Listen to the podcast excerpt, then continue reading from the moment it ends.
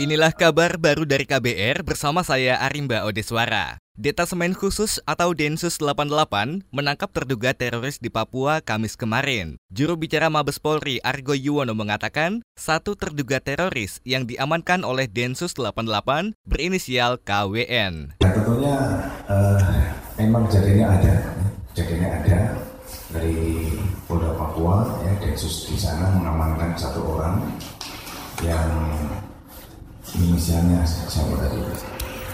KWR inisialnya itu aja yang perlu dapatkan diamankan. Itu yang lain-lain masih kita menunggu dari uh, Yesus 88 kita belum mendapatkan informasi selanjutnya Argo menyebut Densus 88 sedang melakukan pengembangan untuk mengetahui KWN berafiliasi dengan jaringan teroris lainnya. Sebelumnya, Densus 88 menangkap terduga teroris di Bima, Nusa Tenggara Barat. Enam pelaku yang ditangkap di Bima berinisial MZ, OWR, AG, MRM, dua lainnya berinisial IF dan AS pernah ditahan pada 2011 lalu.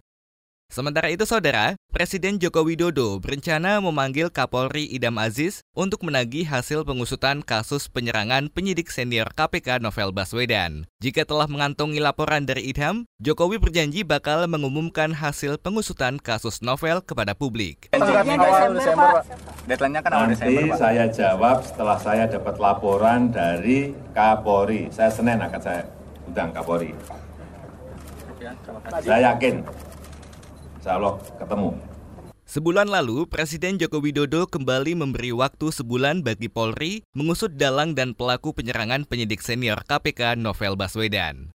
Kita beralih ke informasi selanjutnya. Komisi untuk Orang Hilang dan Korban Tindak Kekerasan Kontras menilai Polri takut mengungkap pelaku penyerangan terhadap penyidik Komisi Pemberantasan Korupsi KPK Novel Baswedan. Koordinator Kontras, Yati Andriani menyebut tak kunjung rampungnya kasus ini semakin menunjukkan ada kekuasaan pelaku utama yang mempengaruhi proses pengungkapan. Uh, jadi ya kalau kita bilang Polri gagal ya pasti sudah gagal gitu. Tapi aku mau naik lagi levelnya ini kayaknya bukan soal gagal, kayaknya Polri uh, khawatir dengan pihak-pihak tertentu kalau kasus ini diungkap. Koordinator Kontras Yati Andriani menambahkan, tak beraninya Polri mengungkap dalang penyerangan novel justru semakin memperburuk citra Korps Bayangkara. Sebab, publik kadung menaruh perhatian pada Polri yang terus-menerus berjanji bakal menuntaskan kasus ini.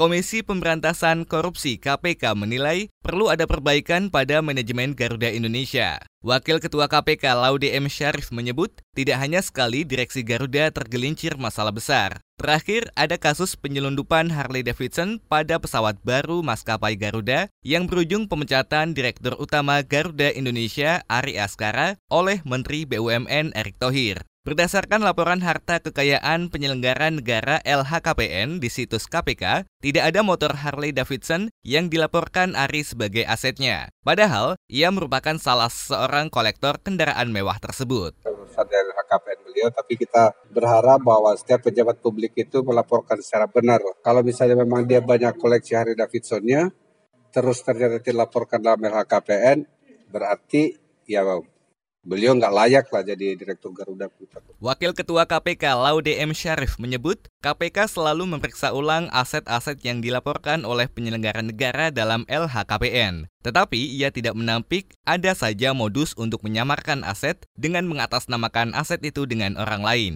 Sebelumnya, untuk kasus penyelundupan Harley, Menteri Keuangan Sri Mulyani Indrawati menyebut potensi kerugian negara mencapai 1,5 miliar. Sebab, Ari tak membayar pajak dan bea masuk. Demikian kabar baru dari KBR, saya Arimba Odeswara.